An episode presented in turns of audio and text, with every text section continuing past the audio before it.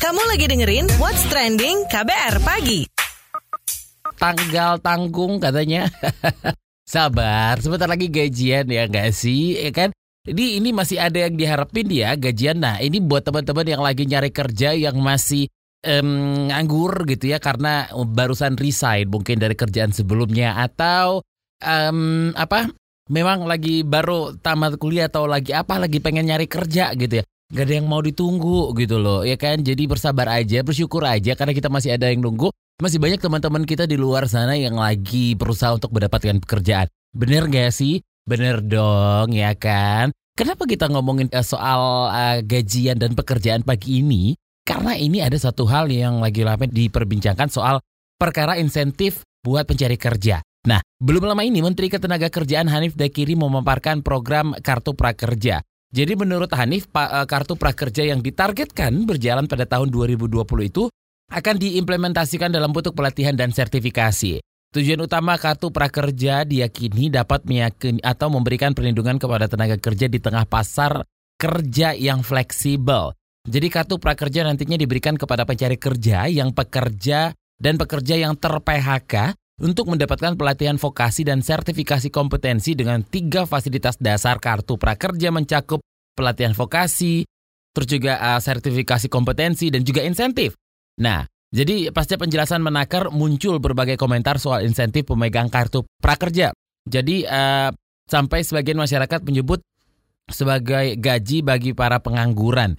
Dalam klarifikasinya lewat Twitter, akun resmi @kemenaker mencuit ya @kemenaker RI boleh dicek di Twitternya itu mencuit bahwa nantinya penerima kartu prakerja itu akan mendapatkan manfaat melalui skilling untuk meningkatkan kompetensi serta reskilling untuk ahli kompetensi. Sehingga diharapkan masyarakat tidak salah tafsir. Nah, kartu prakerja adalah fasilitas untuk pelatihan vokasi serta insentif dalam kurun waktu tertentu.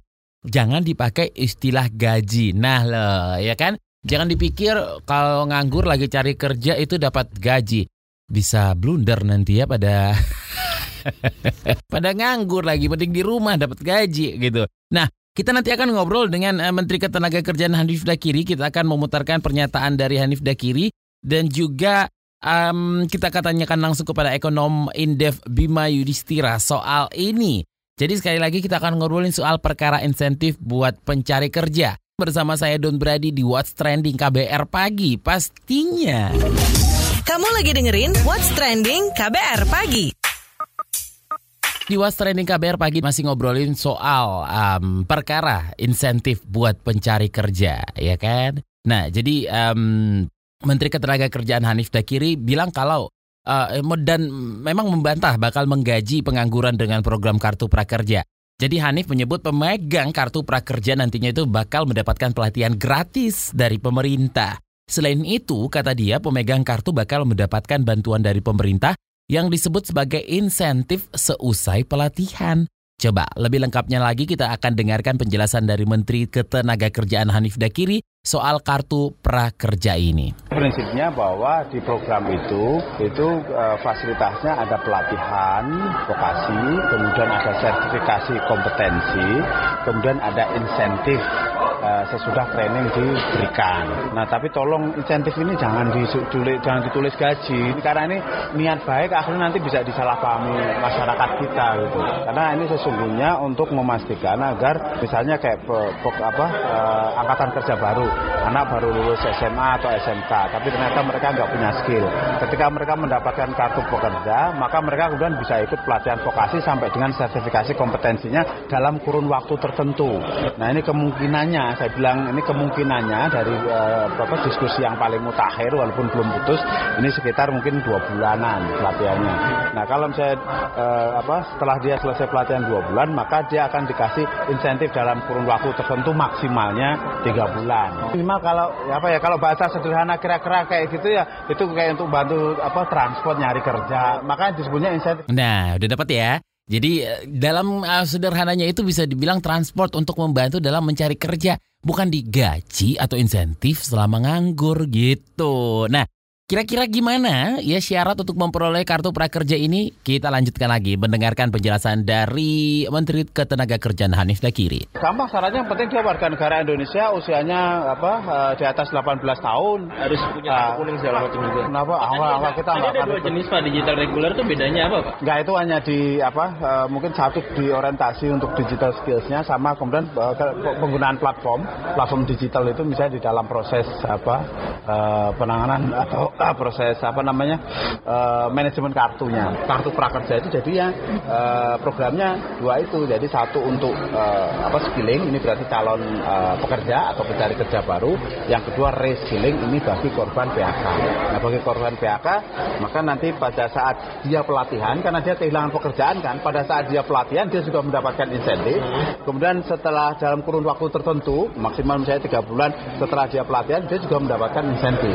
Nah, ini karena korban PHK kalau yang tadi itu kenapa yang untuk yang ta- angkatan kerja baru insentifnya kok apa eh, setelah pelatihan? Ya karena dia kan ibaratnya ya belum punya tanggungan atau apa. Tapi sekali lagi ini judulnya adalah insentif. Oke, itu dia tadi penjelasan dari Menteri Ketenagakerjaan Hanif Dakiri soal kartu prakerja. Mudah-mudahan udah dapat ya maksud dari kartu eh, apa namanya insentif eh, prakerja ini. Bukan bukan digaji selama nganggur. Jadi istilahnya eh, singkatnya atau lebih eh, biar lebih enak di eh, eh, dimengerti itu ya sebagai pengganti transport selama mencari kerja dan itu juga ada maksimalnya mungkin selama tiga bulan. Tapi kita tunggu aja. Ini bakal direalisasikan katanya di 2020. Alright? What's trending KBR pagi. Institute for Development of Economics and Finance atau INDEF itu mencatat beberapa poin penting yang perlu diperhatikan pemerintah jika kartu prakerja diimplementasikan. Apa saja kita akan tanyakan langsung kepada ekonom INDEF Bima Yudhistira. Selamat pagi Mas Bima, apa catatan Anda soal kartu prakerja yang direncanakan pemerintah nih? Sebenarnya kartu prakerja ini kan modifikasi dari kartu kuning yang sebelumnya sudah ada ya. Jadi program untuk melatih eh, mereka yang sedang mencari kerja itu di balai-balai latihan kerja.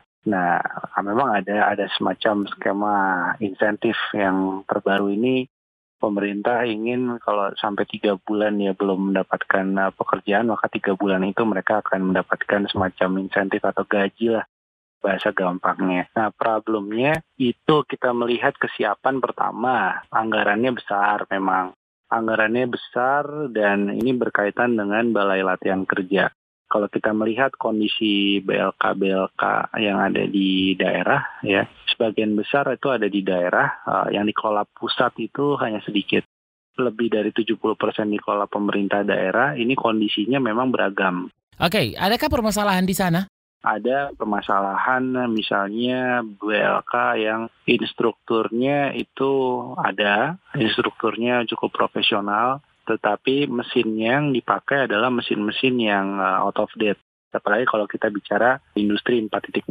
Kemudian ada juga yang mesinnya mesin baru gitu ya. Nah, tapi instrukturnya itu kurang uh, atau instrukturnya memang kurang uh, profesional. Nah, ini artinya kalau masuk dalam prakerja ini, dalam suasana training nanti harapannya memang fasilitas dan instruktur ini dua hal yang paling penting. Karena kalau instrukturnya kurang mumpuni, maka pelajaran yang akan diberikan kepada si pelamar kerja ini nantinya tidak sesuai kebutuhan industri. Kan selama ini masalahnya ada dalam mismatch eh, kebutuhan tadi.